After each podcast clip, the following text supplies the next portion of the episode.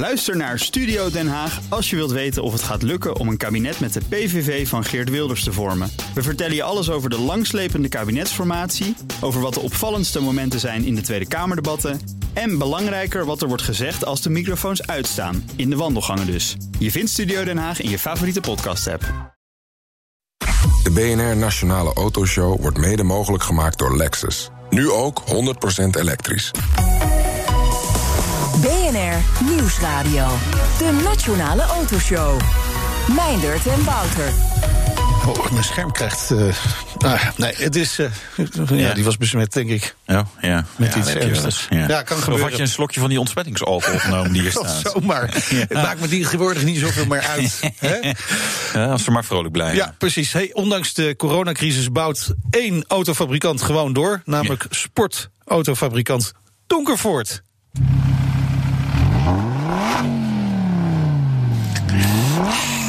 Lekker. Lekker, hè? Ja, dat blok is wel een fantastische auto trouwens ook. Ja, dat is precies de auto die je nu wil hebben.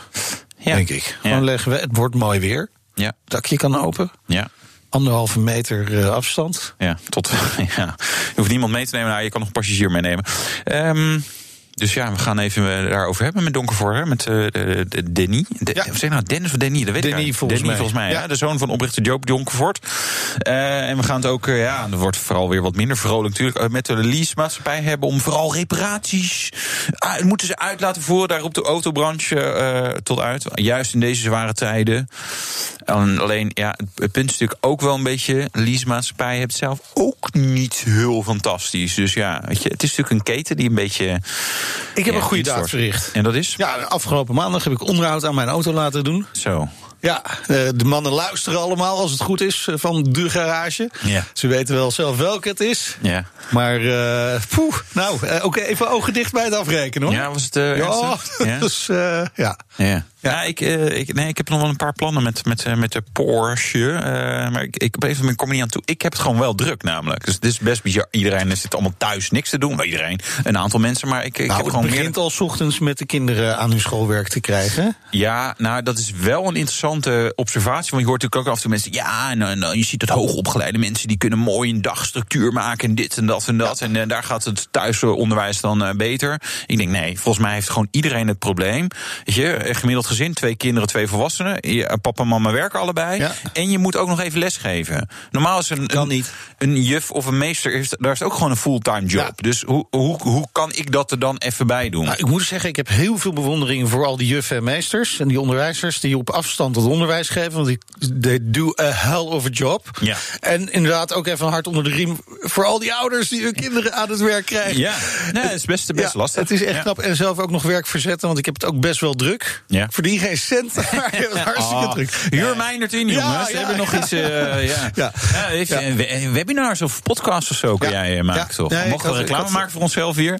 Ja, in deze tijden, zijn alles- bizarre tijden. Alles geoorloofd. Hey, maar niet alle leasebedrijven willen dat, hè? Die, die, dat onderhoud aan die auto's. Nee, ja, weet je, kijk, ik, ik hoorde van een partij, eh, niet nader te noemen, die zeiden van ja, weet je, we hebben gewoon 400 auto's uit de shortlease teruggekregen. En ja, de, en shortlease is natuurlijk, hier de sleutels terug. Dus nu stopt het, eh, de, de inzet en, Ja. en, en dus de inkomstenstroom. Maar die auto staat natuurlijk wel geld te kosten. Ehm, ze weet, leasemaatschappij weet natuurlijk ook van ja, weet je, weet je, er worden geen nieuwe mensen meer aangenomen over het algemeen eh, nergens meer. Dus die krijgen ook niet nieuwe leaseauto's. We gaan contracten verlengen. Nou ja, noem maar, maar op. Dus, dus ook bij de leasemaatschappijen, die hebben natuurlijk het ook lastig. Ja. En dus, dat is een beetje het punt. Dus Ja, precies. Ja, Ja. ja. je kan ze oproepen van doe alsjeblieft onderhoud. Dat zou op zich heel goed zijn. Alleen ik snap ook wel, ja, weet je, daar groeien de bomen ook niet tot in de hemel. Nou, er komt wel een interessante vraag trouwens via Twitter binnen. Het BNR Autoshow van eh, Luffy, Luffy 20. Oh, Denken leuke jullie dat de overheid de 8%-regeling met een kwartaal eh, zullen verlengen... om zo de, EV, de EV's hè, eh, extra te stimuleren in deze periode? Want je raakt nu dus inderdaad een kwartaal kwijt waarschijnlijk. Ja.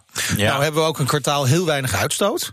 ja. Dus de klimaatwinst die heb je al. Ja, en dat blijft misschien wel even. Hè, en misschien wordt het blijvend minder. Eh, Wat we natuurlijk ook zien. Je ziet dat meer mensen hebben nu geproefd aan thuiswerken, videoconferences. Misschien gaan we dat wel meer doen. Zou op zich iets positiefs zijn wat eruit komt. Ja, maar kun je dus ook elektrisch gaan rijden als je heel veel minder kilometers maakt. Ja, dat is waar. Of je laat gewoon je benzineauto staan, want er rijden dan ook minder. Maar eh, ik- kijk, ik, ik denk dat de overheid wel op, op een dossier dossier zoals deze. Het zal niet hun hoogste prioriteit hebben. Maar dat het wel goed is dat ze ergens, uh, zeg maar, voor de zeg maar, gewoon even echt serieus kijken. Jongens, wat willen we hiermee? Ja. Uh, want er zitten bepaalde doelstellingen. De branche heeft het ook moeilijk. Uh, dus ja, verlengen zou logisch zijn. Kijk, met 12 of met 16 procent, waar het ook nog heen gaat, die bijtelling, ja, is een elektrische auto gewoon volstrekt oninteressant. Ja. Dus als we die doelstellingen nog wel hebben om elektrisch te gaan rijden dan moet er weer iets. Dan moet er het uh, verlengd worden. Je kunt het allemaal blijven volgen via ons Twitter-account, BNR Autoshow. Zojuist uh, is uh, Boterhamworst begonnen met ons volgen. Welkom, oh, welkom ja, leuk dat je erbij ja. bent. Hey, het mooie van deze tijd, hè, want er is altijd ook iets moois, is dat de wegen lekker leeg zijn. Ja. En dus ja. Heb jij weer iets onder handen genomen, Wouter? Ja, zeker weten. Hè? Wat was het? Een uh, Porsche 718 Cayman GT4.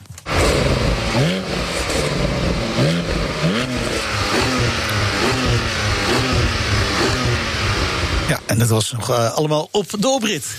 Ja, precies. Bij de familie Karsen thuis. Ja, ja. en uh, het komt natuurlijk lekker 100 over de snelweg rijden. Ja. Dat kan niet, kan niet in de tweede versnelling, deze auto. Dat is dan ook van bijna eens één. Een beetje, beetje lang ja. Nee, gaaf ding natuurlijk. En, uh, en, met 100 naar Duitsland kachelen, dan mag je nog net de grens over, nu nog wel. En ja, dan... het, is, het is nodig voor ons werken dat wij de grens over gaan. ja, vitaal. Nee, weet je, brood en spelen, dat was zeg maar in de Romeinse tijd al belangrijk. Ik, ik, kijk, wij doen aan de ene kant natuurlijk hele serieuze verslaggeving. Maar het is ook, waar komt schone taak om iedereen een beetje te vermaken. Weet je, zo vlak voor het weekend is ook wel lekker als er weer even een glimlach op het gezicht uh, kan. Ja. Uh, dat doen wij niet met gasten hier in de studio. Voorlopig uh, ontvangen wij die niet hier in de studio. Alvast onze excuses mocht de verbinding daardoor wat minder goed zijn. maar we gaan het toch proberen. De autoproductie in Europa ligt zo goed als stil, hè, dat zeiden we al. En dat heeft natuurlijk grote gevolgen. Daarover gaan we praten met Erik Mark Huytema. Hij is directeur-generaal van de ACEA, de Europese Vereniging van Autofabrikanten. En die zit in Brussel. Welkom in de uitzending. Dankjewel. Hoe, uh, hoe, hoe zit u op dit moment? Gewoon thuis nou, aan de keukentafel? Ja, ik zit nou niet aan de keukentafel, maar ik zit gewoon achter uh, in mijn werkkamertje. Uh, ik ben in Nederland, want ik ben niet in België gebleven. Nee, ik, nou, toen je kamertje zei, toen dacht ik al, nou, dat zal het niet in dat paleis in Brussel zijn. maar gewoon in, in de bescheiden doorzoonwoning. Nee hoor, ik loop ja, te dolle. Nou. Maar je bent snel België ontvlucht toen daar de lockdown werd afgekondigd? Ja, dat was natuurlijk. Kijk, het is niet handig om daar te blijven. Zeker niet omdat ik daar een appartement heb en hier heb ik gewoon een huis met een tuin. Dus dat is wel lekker. En de kinderen zien is ook leuk. En die, uh, ja, dus dat is mooi. Dat is het, het aangename met het noodzakelijke yeah. een beetje combineren. En ik werk vanuit huis en dat gaat prima natuurlijk. Ja. Ja, nou ja, uh, maar er is heel veel te doen. Ja, nou, dat geloof ik ook wel. Want uh, al die persberichten, zeg maar, uh, lezen van fabrikanten die, die, die ze uitsturen van nou, de fabriek gaat dicht, of de fabriek blijft langer dicht, uh, we verwachten dit, verwachten dat. Um, wat, wat is een beetje de stand van zaken van de, van de autofabrikanten? Nou, eigenlijk kan je wel zeggen dat de hele automobielindustrie in Europa stil ligt. En dat eigenlijk alle fabrieken, Donkervoort misschien als uitzondering, stil liggen. Um, en dat betekent dat er op dit moment uh, direct ongeveer 1,1 miljoen mensen die normaal in de fabrieken werken thuis zitten. In de, in de auto-industrie totaal in Europa hebben we ongeveer 14 miljoen mensen. En uh, dat is dus ook de indirecte uh, leveranciers van de automobielindustrie. Maar ook de mensen van de dealers. Als je die bij elkaar optelt, heb je 14 miljoen mensen. Heel groot deel van Europa. Zeker in echte auto producerende landen zoals Italië, ook Spanje en Duitsland, natuurlijk Duitsland de grootste, die zitten gewoon thuis en die zitten op koetsarbeid in Duitsland, zoals ze het mooi noemen, werkloosheid. Maar dat geldt niet alleen voor de, de, de blue collars, zoals het noemen, de fabrieksarbeiders, maar ook voor de white collars nu. Want mijn teams uh, werken met mensen vanuit die automobielbedrijven om samen met hen allerlei reguleringen en, consultaties uh, en nieuwe wetgeving voor te bereiden. Maar ook die mensen zitten thuis. Dus de mensen die normaal gesproken met ons samenwerken, uh, die, uh, die mogen niet werken, want die hebben koetsarbeid, die zitten werkloos thuis. Ja. En die mogen dus niet met ons aan de slag. En uh, ja, dus eigenlijk staat, de hele, staat niet alleen de productie stil, maar ook de hele bedrijven, de hele innovatie staat stil. Ja. En dat is natuurlijk heel pijnlijk. Uh, ja, weet je, ja. Uh, aan de andere kant kun ik zeggen, nou ja, weet je, dat is nu. Uh, maak jullie scenario's over van, nou ja, wat, wat zijn de gevolgen als dit langer gaat duren? Of wat, wat, je, wat, wat, wat zijn een beetje de, de wat jullie kunnen voorspellen? Ja, dat is natuurlijk, dat doen we zeker. En het ergste is eigenlijk wat, wat er nog moet komen. Kijk, dus met een knop, druk op de knop de fabrieksband stopzetten, ja. is natuurlijk één ding. Maar hem weer opstarten met de hele complexe supply chain, chain die er natuurlijk is, niet alleen per land, maar over landen heen, ja. is iets wat uh, ja, uh, heel erg lastig is. En je zou bijna kunnen zeggen dat ook uh, de auto's na deze fabrieksstop misschien wel andere auto's zijn dan de auto's daarvoor. Want er gaan oh. gewoon suppliers omvallen. Oké. Okay, ja. En dus er moet helemaal gekeken worden. Kunnen we de fabriek weer opstarten? En we zien dat nu. eh, ASEA heeft een eh, vestiging in China, in eh, Peking. En wij, wij zagen natuurlijk in januari dat dit ging gebeuren. Dus toen zijn we gaan nadenken over wat kunnen we eigenlijk doen? En wat zal het, hoe zal dit Europa raken? En nou ja, daar zagen we natuurlijk in Wuhan, waar bijvoorbeeld een grote Renault-fabriek zit, eh, die viel stil. Ehm, toen zijn we meteen gaan kijken wat heeft dat voor effecten in, eh, in Europa. En je ziet dus dat heel veel onderdelen vanuit China naar Europa zouden komen. En eigenlijk zijn de Europese fabrieken ten eerste stilgezet omdat de medewerkers gewoon niet meer konden werken vaak. Maar ook omdat de supply chain compleet stilviel. Dus eigenlijk de onderdelen. Hè, je kan moeilijk een auto produceren als je eh, geen, geen, auto of, geen motor of batterijen meer krijgt. Nee, dat is waar. Dan, dan staat, ja, dan, dus dan moest wel stoppen. Ja. Maar dat opstarten is alleen nog maar moeilijker. Ja, aan de andere lastig. kant, eh, ik spreek wel met mensen die dan contact hebben in, in China. En dan, ja, de- die Chinezen, die, eh, bedoel, die hebben gewoon eh, weer, weer op de knop geramd. En de band, ja, ik zal niet zeggen dat die in één keer weer loopt. Maar nee, je ziet nu, in, in, in zeg maar, nou ja, na drie maanden daar een beetje lockdown, dat ze ook wel weer flink gas aan het geven zijn. Dus, dus het kan Ja. ook voor gedeelte wel. Dus het is ook wel, ja, hè, ik snap dat het even hard eh buffel is. En dat je problemen tegenkomt die je niet eerder bent tegengekomen. Je hebt het nooit zo gedaan. Maar ja, weet je, ook wel even er maar niet bij de pakken neer gaan zitten nu. Zou ik bijna willen zeggen. Nee, maar natuurlijk, eh, kijk, deze industrie moet gewoon overleven. En ook in Europa. Het probleem is natuurlijk dat als je niet die banen weer. eh, en de, de verbinding tussen de werknemers en de, de automobielbedrijven. die moet je eigenlijk behouden. Want als je dat niet doet. Dan kan je straks ook niet meer opstarten. Als Nee, mensen ja. nu failliet gaan als. als, als leveranciers failliet gaan. Er zijn nu echt initiatieven, eh, heel ontraditioneel in deze business, dat eh, de OEM's, dus de automobielbedrijven, nu suppliers en dealers eh, gaan helpen en proberen te helpen. Ja. Voor zover Ja. ze nog kunnen. Hè, want in Zuid-Europa is het veel erger Ja, dan maar bijvoorbeeld dat, is- hier dat in is- Nederland. ja, precies. Maar dat is natuurlijk wel interessant. Hè. Nederland is een toeleverancier. Eh, wij bouwen allerlei onderdelen voor, voor auto's. Maar onze fabrieken liggen, di- eh, zijn stilgelegd natuurlijk. Terwijl in eh, bijvoorbeeld China, men inderdaad, zoals Wouter zegt, weer los is gegaan. Het kan natuurlijk zijn dat die OEM's zeggen van nou ja, als we de onderdelen voor die auto's uit China kunnen halen. Dan kunnen die Nederlandse toeleveranciers maar even vergeten. Ja, ja, je zou zelfs Is dat een serieus, van- eh, serieus scenario? Nou ja, je zou zelfs kunnen denken van joh, eh, gaan we misschien de, de eh, productie naar China verplaatsen, Ja. ook van Europese merken. En dat eh, moeten we natuurlijk kosten wat het kost zien te vermijden. We moeten eigenlijk als Europa deze innovatiemotor, dat is het echt, hè, eh, miljarden, ik geloof 80 miljard innovatie per jaar in Europa. Ehm, we zijn ook een echt, echt een exportproduct uit Europa. En ook in Nederland. Hè, er zijn drie grote fabrieken. Dus de Mini, Ja. 30.000 mensen werken in Nederland in autofabrieken. We lijken geen productieland, maar we zijn echt eh, geen kleine speler. Als je de totale, eh, een totale overview natuurlijk op Ja. onze website te vinden bekijkt van. eh, een klein beetje reclame. Ik, ehm, eh, over over eh, Europa bekijkt, dan zijn we met 30.000 helemaal niet zo'n kleintje. Nee. En dat zijn dus de fabrieken niet alleen van Mini met van VDL, maar ook DAF en Scania. En Scania, de vrachtwagens.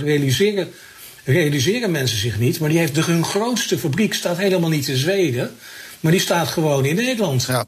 Dus ontzettend belangrijk om het hier overeind te houden. Eh, zou het ook nog wat voor de kwaliteit van de auto's? Want u zei al, eh, ja, de auto's die gemaakt worden als de fabrieken weer op start eh, gaan, die zijn andere auto's dan we nu hebben, mogelijk. Ja. Zegt dat ook iets over de kwaliteit van die auto's? Nou, dat, ik denk de grote merken zullen die kwaliteit moeten garanderen door misschien met andere leveranciers aan de slag te gaan. Ehm, maar ehm, wat ik verwacht is dat er een tekort, eh, dat klinkt misschien gek. Nu is er een overschot aan auto's die nog niet worden afgenomen. Maar als dit nog een paar weken en misschien een maand duurt. En er worden ongeveer 100.000 auto's per dag geproduceerd normaal. Dat staat nu 15 dagen stil. Hè, dus anderhalf miljoen auto's zijn er niet geproduceerd. Als dit een maand duurt, praten we over 3 miljoen auto's. Ja. Als je uit de crisis komt, dan wil je graag misschien fijn een nieuwe, moderne, liefst elektrische auto bestellen. Die auto's, daar komt straks een tekort aan aan de, de Marktanalisten verwachten een krimp van 20% in Europa. Dus dat, je hebt nog wel een gat te vullen. Ja, maar nu is de eh, productie nul, hè? Ja. Dus, dus dat is 80 procent. Zelfs als het 20 procent krimp is, is er moet er nog steeds 80 procent gemaakt worden, maar het is nu nul. Dus we moeten gaan hamsteren auto's. dat is dus verstandig. Als je nu kan, nu nou, kopen. Nou, als misschien toch als tip, uh, kijk gewoon, ga even lekker op een configurator. Uh, dat is wel heel leuk als je niks te doen hebt trouwens. ja. En ga eens even een mooie auto uitzoeken. Ja. Uh, misschien dat je nu een goede deal kan maken met je dealer. Ja.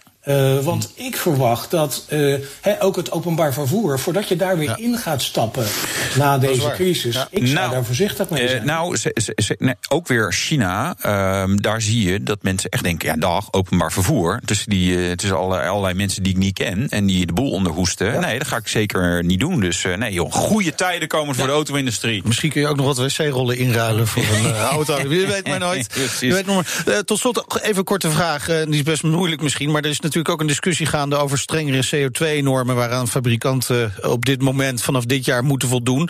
Uh, moet daar iets mee gebeuren? Want het is ook best wel lastig voor die fabrikanten op dit moment. Ja, op zich zijn we nu bezig om te kijken hoe we onze industrie overeind kunnen houden. Hoe wij kunnen helpen. Uh, en er zijn veel uh, methoden om te helpen om uh, bijvoorbeeld gezichtsmaskers te maken, mondkapjes. -hmm. Uh, de ventilators. De, de, uh, het schijnt zo, dat hebben we nu gemerkt, dat de ruitenwissermotoren van vrachtwagens heel geschikt zijn Kijk. om beademingsapparatuur te, uh, te, te poweren.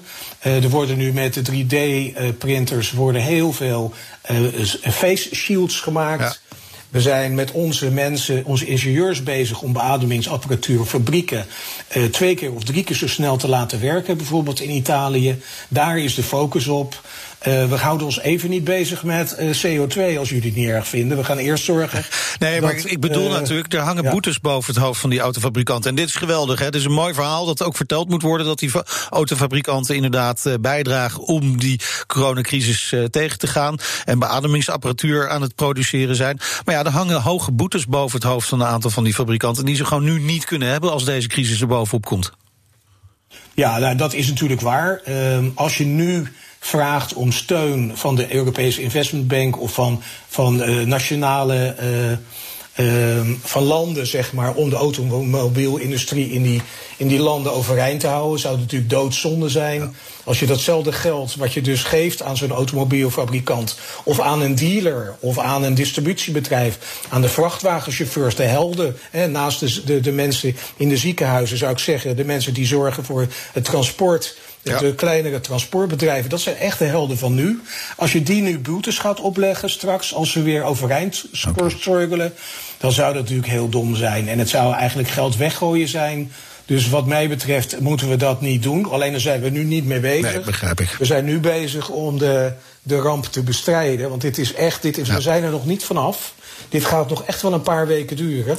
En die fabrieken die gaan zo snel nog niet open. Want voordat je de distributie op orde hebt dan zijn we echt een tijd verder. Hartelijk dank en uh, blijf veilig. Erik Mark Huytema, directeur-generaal van de ACEA, de Europese Vereniging van Autofabrikanten in Brussel. De Nationale Autoshow.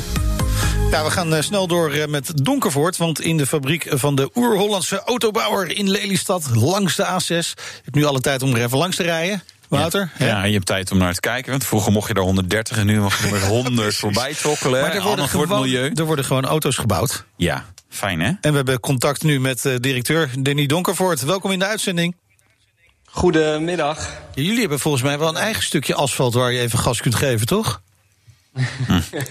nou ja, zeker. Het is, het is in ieder geval rustig op de weg. Dat is uh, gegeven. Ja, nou, en dus, er ligt daar een heel mooi uh, nieuw vliegveld. Uh, waar ik denk ik niet oh, heel zo, veel ja. op gevlogen gaat worden door Corendon en, en Cornuiten voorlopen. Dus ik zie daar wel mogelijkheden. Rustig. Ja, ja, ja, dus misschien moeten wij daar even, we... ja, met, met, met, met BNR en Donkervoort handen ineens klein dat we daar een mooi testcircuit maken. Ja, nee, ik, ik zie het wel zitten. Ik zie ook wat gebeuren. Ja, precies. is het bij jullie business as usual? Ja, gedeeltelijk natuurlijk niet, maar jullie gaan wel door? Nou, precies, inderdaad. Dus het is, uh, het is niet business as usual, maar uh, het lijkt er wel heel erg op. We hebben uiteraard ook onze maatregelen moeten nemen om, uh, om het hart van het, van het bedrijf lopende te houden, namelijk de productie. Um, dus die hebben we opgedeeld in shifts. En ja, beschermen onze jongens natuurlijk zo ver als dat we kunnen. En hopen dat we gewoon door kunnen bouwen. Ja. Ja, kunnen gewoon doorbouwen of, of het blijven jullie ook gewoon doen?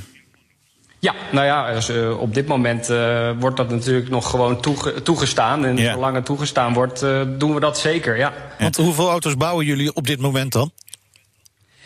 Nou ja, goed, we hebben natuurlijk een totale productie van, uh, van ongeveer 50 per jaar. Dus uh, nou, als ik nu uh, zo vanuit mijn raampje naar beneden kijk, dan, dan zie ik een negental auto's in assemblage staan. En we werken ja, in, in principe zeg maar aan, aan een 15 auto's tegelijk. Dus nou ja, dat hopen we natuurlijk op deze manier gewoon gestaag door te laten lopen. En uh, ja, dat, dat, het, het, is zoals het is, zullen we maar zeggen. Ja, nee, precies. Maar uh, productie van een uh, Donkervoort duurt ongeveer vier tot zes maanden, klopt dat? Ja, dat klopt inderdaad, ja. Ja, het is dus niet kijk, zomaar een auto. Ons, Nee. nee, nee, nee. Het is allemaal uh, heel ambachtelijk en uh, natuurlijk uh, stap voor stap. Dus ja, en we hebben natuurlijk een redelijk lange levertijd. dus wat dat betreft hebben we nu voor nu in ieder geval nog voldoende werk. anderzijds is het natuurlijk ook zo, wat jullie net in het vorige stukje ook bespraken. Je bent natuurlijk ook afhankelijk van je, van je suppliers. Dus op het moment dat daar natuurlijk één bouwsteentje onderweg valt, ja, dan hebben we natuurlijk ook een probleem. Maar op dit moment is dat uh, nog niet aan de orde en kunnen we nog, uh, kunnen we nog lekker verder. Ja, en de, de vraagkant. ik, ik kan zeg maar bedenken van, nou ja, dit, dit, dit koop je niet van, van, je, van, hè, zeg maar van, van, van het vakantiegeld. Hier ben je al langer mee bezig. Het zijn vaak ondernemers, mensen die wat meer te besteden hebben. Dus ik kan betogen van, nou ja, dat blijft wel doorgaan. Maar ik kan me ook voorstellen dat mensen denken, nou, om nou mezelf te tracteren op het Donkervoort in deze tijden, dat is ja. misschien ook wel een beetje gek. Dus, dus hoe gaat dat bij ja. jullie? Ja, ik, om heel eerlijk te zijn, het is een beetje 50-50. Kijk, um, uh, er zijn natuurlijk een heel aantal, of eigenlijk uh, natuurlijk iedereen die er, uh, die er meer of minder last van heeft. Maar er zijn natuurlijk ook situaties, of, of nou ja, in ieder geval partijen die hier natuurlijk best wel ook uh, goed opgaan op deze situatie. Dus ja. uh, ik zou willen zeggen, ja, we, we verliezen er een aantal hè, die er heel hard door geraakt worden. En, en we winnen er een aantal die er juist uh, heel goed van worden. Ja, um, ja dat is natuurlijk ook ja, zo. En, ja. En daarbij komt, kijk, uh, ik, ik denk voor nu is het zo, hè, dat altijd natuurlijk afhankelijk van hoe lang iets duurt. Maar voor nu, uh, ja, we hebben een gevulde orderportefeuille. Dus voor ons uh, hebben we het relatieve luxe ten opzichte van anderen waar bij wijze van spreken gelijk de deur op slot. Ja, precies. Jullie kunnen even, even door. En dat was ook wel opmerkelijk, ja. want we eigenlijk dus gewoon midden in deze coronacrisis jullie persbericht ontvangen dat jullie besloten hebben om het dealernetwerk verder uit te breiden naar, naar Spanje en Zwitserland. Gaat lekker. Ja.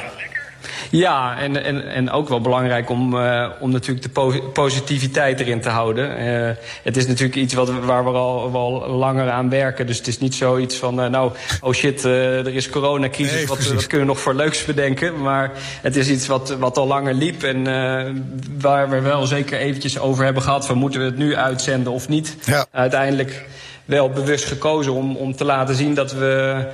Nou, dat we ten eerste niet uh, ons laten kisten. Uh, ondanks natuurlijk dat het voor iedereen heel vervelend is. Uh, maar dat we natuurlijk wel gewoon gestaag doorbouwen aan dat Ja. wat we, waaraan we bezig zijn. Ja, nou zal in Spanje die dealer eh, voorlopig niet open gaan, denk ik. Klopt, klopt. Nee, precies. Daar Die hebben echt wat anders aan hun hoofd eh, op dit moment. Eh, wa- wa- waarom wilden jullie dealers erbij hebben? Ik bedoel, het is wel ook, ook weer tegen de trend. Hè? Je kunt gewoon online eh, dingen doen. Dus wa- wa- wat, wat, wat, waarom wil je dat zo graag? Nou, volgens mij staat dat, uh, dat laatste wat je zegt wel een beetje op ons lijf, geschreven. Dat wij precies uh, dat doen wat de rest niet doet. maar dat is niet de beweegreden. Uh, kijk, de beweegreden is eigenlijk dat een aantal jaar geleden hadden we zeg maar een productie van, van 15, 20 auto's. en dan kan je natuurlijk de verkoop en zo ook de service prima vanuit hier bekokstoven. Uh, we zijn nu natuurlijk groeiende. We zitten nu op een, een vijftigtal auto's per, per jaar. Maar uh, hè, zeker de wens om dat uh, verder te vergroten. Ja, en dan is het zowel op salesgebied als op servicegebied cruciaal dat je ja, een, bepa bepaalde, een bepaald netwerk hebt met, met mensen die je daarin kan, kan helpen. En dat hebben we goed gevonden, denk ik. Ja, en waar wil je dan naartoe? Hè? Want je zei al, we zitten nu op 50 auto's per jaar. Waar wil je naartoe? Uh, nou, zeg maar, uh, midden, middellange termijn uh, is het doel naar 100 auto's te, ja. te, te, groeien. En dat heeft natuurlijk voornamelijk te maken met, uh, met de homologatie en de regelgeving die natuurlijk heel extreem uh, uh, snel wijzigt. En uh, dat natuurlijk over een bepaald aantal auto's gesmeerd moet worden... om dat nog betaalbaar te houden Juist, voor ja. de eindconsument. Dus ehm, ja, dat is belangrijk dat we daarin in meegaan. Ja, Denis, we hebben nog heel wat te bespreken met jou. Dus ik zou je willen vragen of je even aan de lijn wil blijven hangen... zodat we even naar het nieuws kunnen gaan. En daarna met jou bijvoorbeeld kunnen hebben over de D8 GTO JD. Oftewel de Joop Donkervoort ja. 70. Ja, blijf je hangen? Ja, tot perfect. zo. Tot zo. BNR Nieuwsradio. De Nationale Autoshow. Meindert en Wouter. Kia is dit jaar verrassend sterk uit de startblokken gekomen in Nederland. De Zuid-Koreanen waren in het eerste kwartaal ja, het uh, op één na best verkochte automerk. Ja, wie had dat uh, tien jaar geleden gedacht? Ik niet. Nee, nee. Uh, maar de vraag is natuurlijk in hoeverre de coronacrisis roet in het eten gaat gooien. Het antwoord krijgen we zo van de baas van Kia Nederland. Ja, we gaan ook rijden met de Porsche 718 Cayman GT4.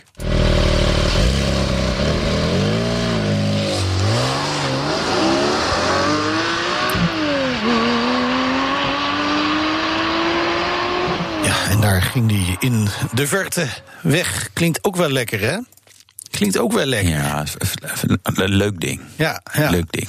Ook een leuk ding is Ja. de D8 GTO JD. Joop Donkervoort, 70, het jubileummodel van Donkervoort. We hadden het net al over uh, Denis Donkervoort, de directeur van Donkervoort. Ja, de enige fabriek die open is, hè, nog in Nederland zo'n beetje. Nou, eerder autofabriek. Ja, nou, dat is bedoel is, ik. Dus, eh, uh, VDL Netcars, door weet ik eigenlijk niet. Nou, volgens mij liggen die stil. Nou, weet, nou ja, maar in ieder geval, eh, we gaan het nu over Donkervoort hebben. Want Denis is nog altijd bij ons in de uitzending. De enige in de Flevopolder die nog doorgaat. Ja. Autofabrikant. Wanneer wordt de D8 GTO JD70 uh, afgeleverd, de eerste? Nou ja, daar hadden we natuurlijk een helemaal mooi plan voor klaar liggen eind mei dat eh, te introduceren. En eh, nou ja, daar zijn we nu hard op aan het broeden hoe we dat dan op alternatieve wijze gaan doen. Maar in ieder, in ieder geval is het zo dat zeg maar halverwege mei de eerste drie klaar zullen zijn. Ja. Dus dat is sowieso heel erg leuk. En ehm, ja, JD70 eh, staat dus inderdaad voor Joop Donkervoort 70. Ehm, afgelopen jaar eh, in augustus is die, is die 70 eh, geworden. Ja. En hij is nog steeds vol actief Mooi. op die leeftijd hier in, in het bedrijf. En dat is natuurlijk ten eerste al bewonderenswaardig. En ten tweede vonden we dat hij, eh, dat hij wel een eh, cadeautje verdiend eh, heeft. Ja, En, nou, dat, dat moet dan ook een speciale auto zijn. Hè? Wat, wat zijn de specificaties? Nou, de specificaties zijn, je schrik niet, hij, het is de lichtste GTO ooit. Eh, en dat is natuurlijk heel verrassend bij mijn vader. Want mijn vader houdt helemaal niet van, eh, van lichte auto's, zou je willen zeggen. Nee, het, ja. het is echt... eh, Kon er nog wat vanaf, zou je dan, vraag je dan, hè? Want Precies. het- Ja. Ja.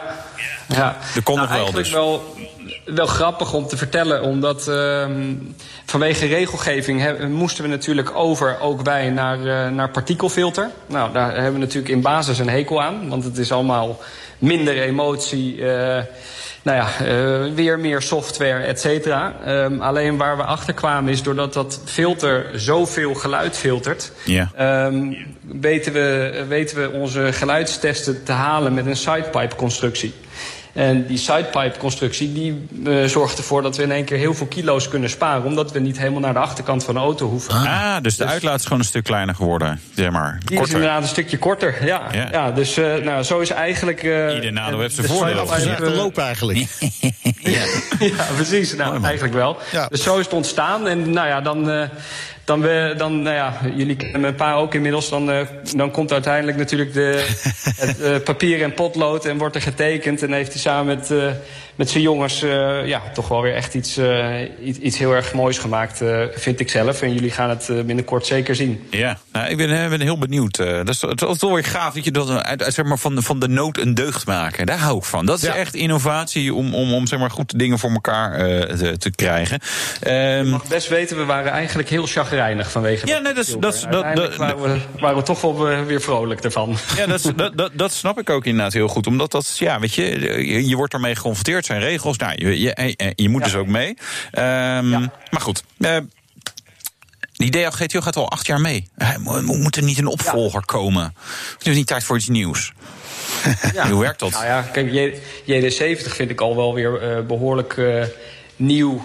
Althans, kijk, uh, we hebben natuurlijk twee generaties GTO. De, de beginnende GTO Premium serie en daarna zijn we natuurlijk met de RS uh, gekomen in 2017... waar natuurlijk GTO 40 en JD70 uh, afgeleiden van zijn. Ja. En zeer zeker zijn we natuurlijk uh, ook weer op de tekentafel en, uh, en een beetje meer uh, voor, voor, daarna. Maar ja. in ieder geval eerst, eerst deze. Ja, wordt wel een verbrandingsmotor gewoon toch weer, ook de nieuwe? Tuurlijk. Tuurlijk. Even, even laten horen hoe dat dan Lekker. Uh, inmiddels. Nee, precies. uh, uh, Xcore, dat is een zelfstandig bedrijf geworden. Hè? Dat was een onderdeel van Donkervoort. Voor de luisteraars die dat niet kennen, wat is Xcore? Nou, Xcore is uh, ontstaan eigenlijk uh, in 2017, uh, sorry, 2007 met de ontwikkeling van, van onze GT. Dus de, de Donkervoort met, met dak, zullen we maar zeggen. En het is dus een composietproces waarbij we schuim gebruiken om hele lichte en hele ehm, sterke componenten te, te, produceren. Dat hebben we nou, door de jaren heen zo ontwikkeld dat er een, eh, een patent op, op van toepassing is. En we hebben inderdaad een aantal weken geleden nou ja, een aantal maanden geleden de knoop doorgehad door te zeggen van nou, we zijn nu zo ver dat we het ook voor anderen uh, van nut kunnen laten zijn. Kijk. Dus laten we het inderdaad afsplitsen en uh, kijken wat voor potentie erin zit. En dan zijn er dus geïnteresseerde partijen die dit uh, willen kopen, wat, wat het product. Wat zijn het voor partijen? Ja. Nou, het is, het is natuurlijk niet alleen een product, het is het proces. Ja. En, uh, nou, ik, ik zou jullie uh, het hele proces besparen met de CO2-arm. En uh, ja. we hoeven geen ovens te investeren, al dat soort zaken. Maar vooral die vormvrijheid en, en, de, en de, zeg maar de materiële eigenschappen, die zijn heel interessant. en dat is inderdaad een kleine scoop die ik jullie kan geven. Zelfs Formule 1-teams nu meer dan meer dan uh, één hebben zich gemeld om, uh, om te horen wat we, wat we hebben gedaan. Oh, kijk, dat is heel erg cool. Ja. ja, ik zou bijna zeggen, daar moeten we nog eens een keer over door gaan praten. Want ja. we, we, moeten ook wel een beetje ja. door naar de volgende. Zodra je daar meer over kan en wil vertellen, dan, dan willen we daar heel graag gewoon eens even, even naakje van de kous, eh, denk ik, horen. Precies. Ja, en, en welke teams zijn het? Die zijn de eerste. dat mogen we niet zeggen. Nee. Daar was ik al bang voor. Dankjewel, uh, Denis Donkervoort, de directeur van Donkervoort. Meindert en Wouter. Ja, is leuk hè, dit.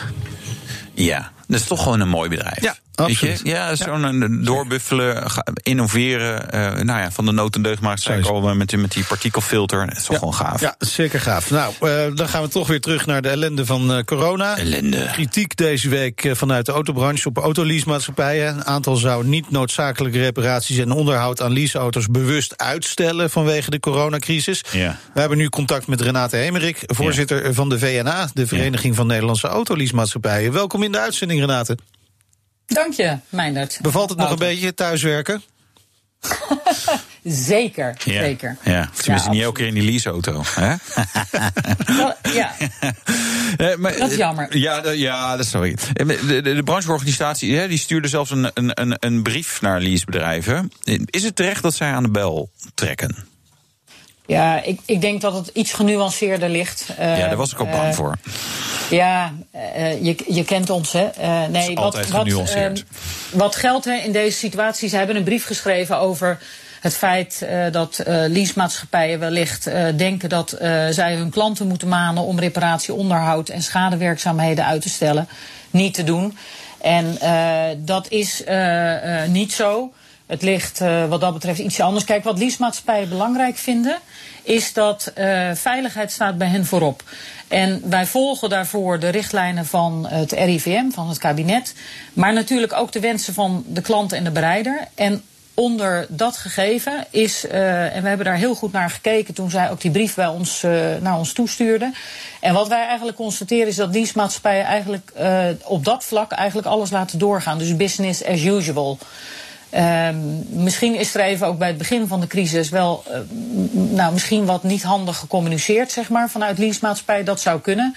Maar we hebben onszelf denk ik ook heel snel herpakt en de bedrijven en bereiders ook goed geïnformeerd. Ja, maar bijvoorbeeld Leaseplan, hè, die zei tegen vakblad Automotive, auto's komen even niet op de eerste plaats. En dat begrijpt iedereen ook wel, maar ik kan me ook ja. wel voorstellen dat de, de autobranche uh, en, en de autobedrijven hier wat onrustig van worden. Dat die denken van ja, daar gaat onze omzet. En als we straks weer nodig zijn, ja. dan zijn we er niet meer. Ja, Kijk, ik denk, het, het, ligt, het ligt denk ik net wel ietsjes anders. Ja, kijk, bedrijven, uh, laat ik zo zeggen, leasemaatschappijen zijn erbij gebaat dat die auto's goed onderhouden worden en ja. dat het schade hersteld wordt. Maar wat wel geldt, is dat, dat uiteindelijk de klant wel bepaalt of zijn bereider naar de garage mag, ja of nee, naar de schadewerkplaatsen.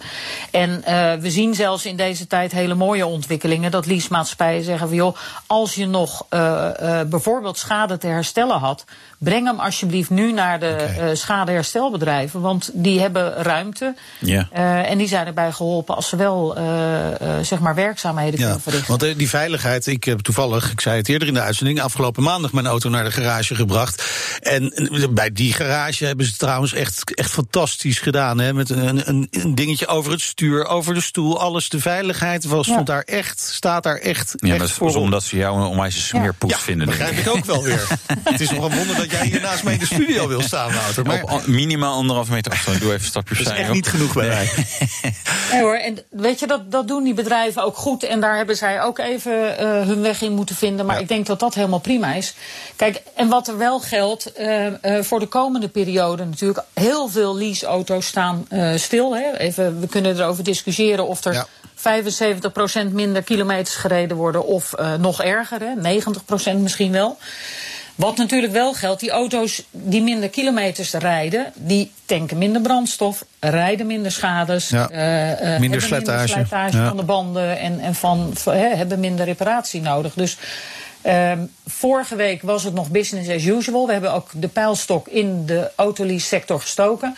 Business as usual vorige week zelfs nog iets meer naar de garagebedrijven of de schadeherstelbedrijven gestuurd dan daarvoor. Ja. Uh, maar we kunnen ons niet aan de indruk onttrekken. En ik denk dat dat een, een, een consequentie is van de periode waarin we zitten. Dat de komende periode zal dat best wel wat minder worden. Ja, ja. Er ja. wordt veel minder gereden. Auto's staan stil. Dus er is ook veel minder werk uh, ja, nodig. En, en er komen waarschijnlijk ook veel minder leaseauto's bij. Klopt. Je hebt natuurlijk het signaal gehoord dat uh, de, de autofabrieken stoppen hè, met produceren. Of zijn gestopt met produceren. Er zitten er nog een uh, aantal in de pijplijn. Maar uh, ook dat zal ja. stokken. Dus ja, dat is, dat is niet vrolijk. Dat is niet vrolijk. En, en uh, het verlengen van uh, contracten, want daar horen we ook veel hè, over. Dat er een uh, forse toename van het aantal contractverlengingen zal volgen. Ja. Is, is, dat inderdaad een verwachting die jij ook, ook hebt? Ja, ja. ja. Wat je ziet is bedrijven. Hè, door de crisis zie je het bedrijfsleven natuurlijk nu heel hard op zoek zijn naar hoe kan ik de continuïteit van mijn bedrijf waarborgen. Dus dat zijn onze klanten. Uh, die bekijken alles wat ze kunnen doen om een bedrijf overeind te houden. En daarbij zie je dat ze zo min mogelijk uh, nieuwe verplichtingen willen aangaan. Dus ook nieuwe leasecontracten aangaan. Daar zijn ze niet zo heel erg dol op op dit moment. Nee. Zij vragen ook aan ons: kunnen wij alsjeblieft de huidige auto's blijven doorrijden? En daar zijn wij dan al best wel heel blij mee. Want uh, een auto die blijft doorrijden is nog een rijdende auto. En een auto die terugkomt, uh, ja, dat betekent dat die auto helemaal stilstaat. Die komt op de tweedehandsmarkt en daar is ook geen markt voor nu, waarschijnlijk. Nee, Nee, Nee. en daar is ook, wordt ook wel wat over gezegd. Kijk, het klinkt misschien een beetje gek. Maar het feit dat er minder nieuwe auto's nu echt ook eh, op de weg gezet worden. Eh, is eigenlijk ook wel goed. Het mes snijdt aan twee kanten. Het helpt die, dat bedrijfsleven om geen nieuwe verplichtingen aan te gaan.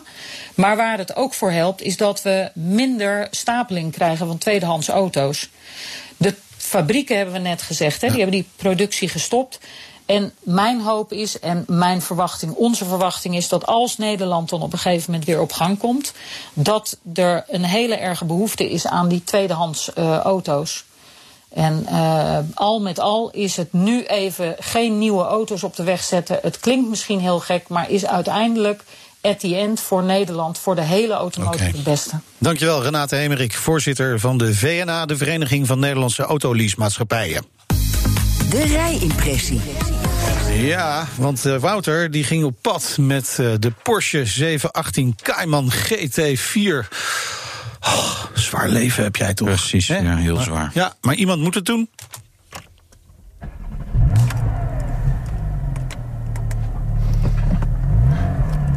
Welkom aan boord. Om jullie weer een beetje op te vrolijken. Kom maar een kwel hè, op de radio. Het nieuws is ook niet leuk, dat is ook zo. Maar we kunnen wel leuke dingen blijven doen. En dat blijft ook belangrijk om wel te genieten. En dat ga ik eh, nou ja, met jullie doen, of namens jullie doen, of voor jullie doen. Het is maar net hoe je een beetje tegenaan kijkt. Ik zit in de Porsche 718 Cayman GT4. Hm. Ja, dat is eigenlijk het kleine model bij Porsche. Het, het draait bij Porsche altijd allemaal om de 911. Maar ja, stiekem is een Cayman in basis eigenlijk een betere auto. De Cayman is eh, de auto met de motor in het midden. Eh, dus eigenlijk voor de achterwielen. Eh, en bij de Porsche 911 ligt hij eigenlijk op of een beetje achter de achteras. Dat is niet goed voor de gewichtsverdeling. En eigenlijk staat hij veel te ver naar achteren. Maar goed, ehm, daar gaat het niet per se alleen maar om bij deze 718 Cayman GT4. Want de Cayman GT4 heeft namelijk een party trick. En je hoort het misschien al wel, hij maakt lekker veel herrie. Ik kan hem ook lekker doorhalen. Ik moet hier nog even een beetje kijken waar ik allemaal heen ga. Nou, Bochtig. Ik wil natuurlijk wel een bochtige weg dit opnemen. Uh, maar het motorblok, dat is wat de 718 Cayman GT4 echt bijzonder maakt. Hè. Bijna alle Porsches hebben turbomotoren. Hè. Dus een normale 911 is gewoon een turbo. Een 911 turbo, ja, heeft ook een turbo. Uh, achter op de Taycan staat er soms ook turbo, maar dat is echt een elektrische auto natuurlijk. Uh, maar de 718 Cayman en Boxster, toen die uitkwamen, was er toch een lichte teleurstelling die bij iedereen door de ader heen ging. Oh, lekker dit. Um, maar dat werden ook viercilinders. Dus niet meer een mooie boxer zescilinder voor nou ja, deze compacte Porsche sportwagens. Um, en die kregen allebei een turbo. Dus was eigenlijk qua prestaties helemaal fantastisch. Maar nu voor de 718 Cayman GT4 en de GTS en de Boxster Spider is de zescilinder weer terug. En eigenlijk helemaal niet weer terug. Het is een heel nieuw blok. En dat is wel weer een bijzonder verhaal. Uh, nou ja, niet bijzonder dat ze een nieuw blok ontwikkelen. Even om een tractor heen. Komt u maar. Ja. Um, wat ze hebben gedaan. Ze hebben het blok van de Porsche 911 Carrera en Carrera S gepakt. Daar zitten normaal gesproken twee turbo's dus. Is 3 liter groot. Turbo's eraf. Blok vergroten. 4 liter groot. En je hebt een mooi atmosferisch blok. Um, voor de 718 Cayman GT4 en die Boxster Spider. En de 718 Cayman GTS. En de Boxster GTS, denk trouwens ook. Nu ik het erover heb.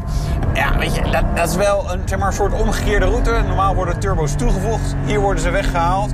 4 liter groot dus, 420 pk, 420 newtonmeter. Wel pas tussen 5000 en 6800 toeren. Dus je moet hem echt wel een beetje op toeren houden.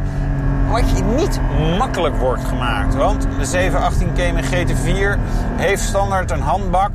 Kritiek op de Porsche handbakken uh, is al een tijdje dat die versnellingen te lang zijn. Ik zit nu in het 2. Ik rij 120 is het 2. Ik haal 130 zelfs is het 2. Maar je moet hier ook af en toe een beetje kijken welke kant de weg op gaat. Ik wil... kan je voorstellen, het is even multitasken. Kan Tom toch ingewikkeld zijn? Ja, dat is wel jammer, want het, ja, het berooft zeg maar, dit motorblok, eigenlijk deze aandrijflijn, een beetje van, van nou ja, het speelse, de agressieve, wat het zou kunnen hebben. Eh, feitelijk veel te vangen versnellingen. Vooral ja, die eerste drie, eigenlijk de eerste drie waar je eh, veel gebruik van zou willen maken. Ook bijvoorbeeld op het circuit. Nou, dat heeft hij dus niet. Je moet hem uh, echt wel op toeren houden. Dus en eigenlijk ja, een versnelling lager, of misschien zelfs twee versnellingen lager rijden dan je normaal gesproken doet. Als ik nu zo 60 rijd in zijn 2, ah, dan is het lekker, dan is hij responsief. Als ik nu bijvoorbeeld naar zijn 4 ga, ja, dan zit hij onder de 2000 toeren. Het gaat wel, maar hij vindt het niet lekker. Um, prestaties. 4,4 seconden naar de 100. Topsnelheid als Boxster Spider 301 km per uur. Als Cayman GTV 304 km per uur. Wat daarbij grappig is, is dat ze veel downforce hebben gewonnen. Bijvoorbeeld door een nieuwe uitlaat. Dan denk je, hoe kan je downforce winnen door een uitlaat? Nou ja, die is hoger, compacter gemaakt. Hè? Dus er zit meer ruimte onder de auto voor een diffuser. Uh, wat ervoor zorgt dat die luchtstroom natuurlijk onder de auto en die daarachter vandaan eruit gaat. Ja, en makkelijker daar vandaan gaat en je dus meer downforce kan genereren. Ja, de Porsche 718 Cayman GT4. Wouter was blij, denk ik. Ja, zo te horen. Ja. Fijne auto. Wat ja. wel grappig, ik zag op Instagram, op jouw Instagram-account... Instagram. jij ontzettende influencer... Ja, precies. Uh, zag ik uh, drie auto's op je oprit staan. De, deze? Nee, dat was... Uh, nee, ik oh, nee, kijken. Nee, dat was die, de Taycan. Ja, mijn eigen 911. En ja, mijn mini, 911. eigen 911. De, de, de mini van je meisje? De mini van de meisje en, en de Taycan. Ik had ook nog de Taycan. Ja. Nee, dus ja, dat was een ander. Ja. Sorry. Maar ik heb er volgens mij ook wel een foto van, uh, van uh, de GT4. Okay. Ja. Ook rood was die. Met Wouter Karsen. Ja. Maar uh, groot verschil met de Taycan, deze ja, GT4? Wel, ja, weet je, dit kan bijna niet verder uit elkaar liggen binnen het gamma van Porsche. Nou, het is niet helemaal waar. Maar het is wel uh, handgeschakeld, atmosferische motor uh, versus elektrische aandrijflijn. Weet ja. je, dat is wel. Zeg maar, maar waar van... zou je die Taycan plaatsen dan? Want ik, ik zou hem een beetje plaatsen tussen de Panamera en de 911 in. Mm, Dichter ja. bij de 911 trouwens wel hoor. Ja. Qua rij-eigenschappen. Ja, ja, en dat is misschien ook wel soms een beetje de teleurstelling dat hij iets te dicht bij de 911 zit. Qua ruimte ook. Had ik zelf een beetje. Ik vond het een moeilijke auto uiteindelijk. Heel gaaf. En ergens heb ik denk, ja, is, is dit het nou? Dat is een beetje het gevoel wat een beetje mij maar op. Dan hebben we het over Taycan. Uh, 718 GT4. Waanzinnig. Maar ik dacht ook wel van ja, had nou die laatste stap ook gedaan, Porsche, met die versnellingsbak. Gewoon een betere bak. Ja. Het is een beetje. Ja, ik weet niet. Uh, ergens heel tof en ergens weer had er gewoon meer uitgekund. Meindert en Wouter. Je kunt altijd nog naar een uh, Kia gaan, Wouter. Precies, ja. Precies. Ja. Met een marktaandeel van, dat doen veel mensen, met een marktaandeel van 7,6 procent Ja, en een verkoopgroei van ruim... Nee, Ja. 11 procent heeft Kia een bijzonder goed eerste kwartaal achter de rug. En dat terwijl de automarkt met bijna een kwart gekrompen is. Nou ja, hoe kan dat nou? Dat gaan we vragen aan Leon Verstoep. Hij is baas van Kia Nederland. Welkom in de uitzending. Ja, goedemiddag. Wel via een telefoonlijn, Ja. eh, want het is niet stabiel, begrijp ik. Nee, Nee. Soms, eh, ja, soms lukt het gewoon even niet. Maar je bent goed en duidelijk eh, verstaanbaar. Waar, waar ben jij op dit moment? Ja, ik zit eh, op kantoor eh, in Breukelen. In je eentje? Nou, er zitten nog een paar mensen. Ik wil een aantal mensen die uit het Verre Oosten komen af en toe in de ogen aan kunnen Ah, ja.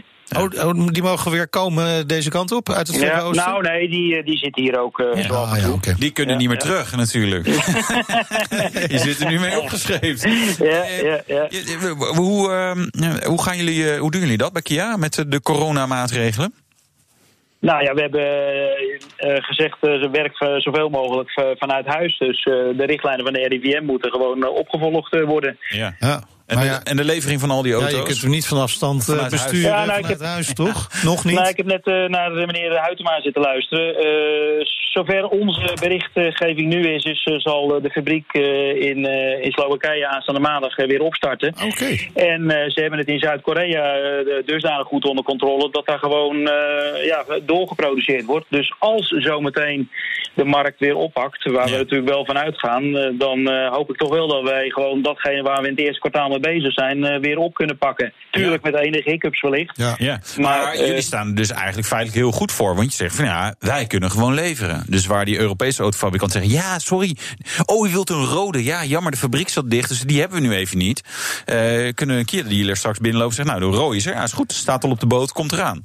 Ja, ik kan, natuurlijk, ik kan natuurlijk niet over de concurrentie oordelen, maar als er inderdaad niet geproduceerd wordt en wij wel, dan zou je aan kunnen nemen als wij gewoon de pijplijn. Uh, gevuld hebben, dat dat een betere startpositie geeft. En jullie zijn nu al na Volkswagen het best verkochte automerk in Nederland, dus dat zou... Mooi, hè?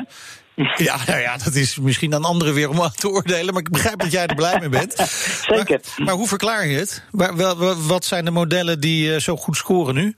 Nou ja, kijk, het is natuurlijk een uh, zorgvuldig uh, opgebouwd uh, imago dat steeds sterker wordt. Ehm, vroeger in de particuliere markt, maar zeker nu ook in de zakelijke markt. Want we zijn natuurlijk in combinatie met private lease en het succes van de Seat en, en de Niro... zijn we ook tweede in de zakelijke markt geworden. Yeah. Ja, en dat, en dat zorgt er natuurlijk voor dat we door ook de brede elektrificatie van, van, van de auto's... ook in de zakelijke markt ja, opgang hebben ge gekregen. Ja, de, en die dip na de. Want je hebt natuurlijk een verhoging van de bijtelling. Uh, elektrische auto's. Dat, dat, dat, trekt bij jullie weer aan eigenlijk. Of hoe, moet ik het zien? Nou ja, kijk, we hebben natuurlijk een piek gehad in december. Uh, en je hebt daarna een, eh, een verval gehad. Dat is logisch, omdat je vooruitgetrokken volumes hebt. Uh, maar 8% bijtelling is natuurlijk nog steeds een heel goed percentage. En als je naar die 45.000 grens kijkt voor de bijtelling. En je kijkt naar onze modellen. Dan zijn ook bijna ook alle duurste modellen van, van de Niro, ja. en, maar zeker ook de Sol daaronder, uh, die, vallen de, die vallen onder die grens. Dus ja. uh, het is gewoon een, een goed aanbod met een actieradius WLTP van 450 kilometer. Dus ja, dat, dat is populair. Ja, en dan komt er straks nog die uh, subsidie voor elektrische auto's overheen. euro, nou, hoppa. Dus het wordt echt uh, wordt een feestjaar bij jullie. Of verwacht je daar niet zoveel nou, van? Nou, kijk, uh, nou. feestjaar is denk ik in deze tijd een heel raar, raar gezegd. Hè. Ik denk dat wij met z'n allen de taak hebben om A, eerst de gezondheid van het personeel ja. voorop te stellen. Uh, en uh, ook de dealerbedrijven, waar we natuurlijk ook gewoon afhankelijk van zijn in de verkoop. Want die hebben gewoon een hele goede uh, zaak gedaan. die moeten we denk ik de komende periode met elkaar doorzien te komen. Zodat ja. we met die auto's in de pijplijn een goede start hebben. Nou, maar denk je en, dat die 4000 euro wel een verschil gaat maken? Ja, kijk, ik denk dat ehm, dat ik had liever, laten we zeggen, ik had het liever iets anders gezien. Want een 4000 euro, er is een hoop onduidelijkheid over geweest. Hoe groot is de, de, de subsidiepot? De aankondiging geeft al, laten we zeggen, wat commotie. Wanneer gaat die in? Zometeen is de pot misschien uh, eerder leeg als uh, verwacht. En het geeft ook weer verstoring op het moment dat je gaat, gaat uh, aankondigen okay. dat die gaat stoppen. Ja, maar... Het zal ongetwijfeld een bijdrage ja. leveren aan, aan, aan de verkopen in, in de particuliere en kleinzakelijke markt. Maar jullie zetten zelf ook 4000 euro subsidie in feite. Uh, ja, ja, eigenlijk korting op die plug-in hybrides, hè? Ja, nou ja, kijk, waarom hebben we dat gedaan? Omdat een elektrische auto, als je kijkt in vergelijking tot een hybride en dan weer daarboven een plug-in hybride, dus een elektrische auto natuurlijk weer een stuk duurder. Ja, okay. Als je kijkt naar uh, de particuliere markt, dan is een plug-in hybride uh, voor de particuliere en de kleinzakelijke klant, die uh, bijvoorbeeld ook woon-werkverkeer heeft tussen 30 en de 50 kilometer, is dat een ideale oplossing. Vandaar dus dat we gezegd hebben, dit omarmen we. En ja. daar zoeken we aansluiting bij. Goed. Dankjewel, Leon Verstoep. Hij is de baas van van Kia Nederland. En uh, als de coronacrisis voorbij is, dan spreken we elkaar graag nog een keertje in de studio. Hou je daar in ieder geval de komende tijd. Dit was de Nationale Autoshow. Terugluisteren kan via de site, de app, Apple Podcast of Spotify. Ja, kan je lekker druk mee hebben, toch? Lekker dingen terugluisteren. Ja, Hartstikke goed. Alle tijd. Uh, tips of vragen? misschien weer eens een keer een ander onderwerp dat we moeten behandelen. Uh, even niet corona-gerelateerd bijvoorbeeld. mail dan alsjeblieft naar autoshow.bnr.nl. Mijn naam is Wouter Karsen. En ik ben Meijnerd Schut. Tot volgende week weer. Doei. De BNR Nationale Autoshow wordt mede mogelijk gemaakt door Lexus. Nu ook 100% elektrisch. Ook Liesbeth Staats vind je in de BNR-app. Ja, heel handig. Luister live naar Kees en mij tijdens de Daily Move. Dan blijf je ook gelijk op de hoogte van breaking news en het laatste zakelijke nieuws. En daar vind je ook alle BNR-podcasts, waaronder de Perestrooikast. Download nu de gratis BNR-app en blijf scherp.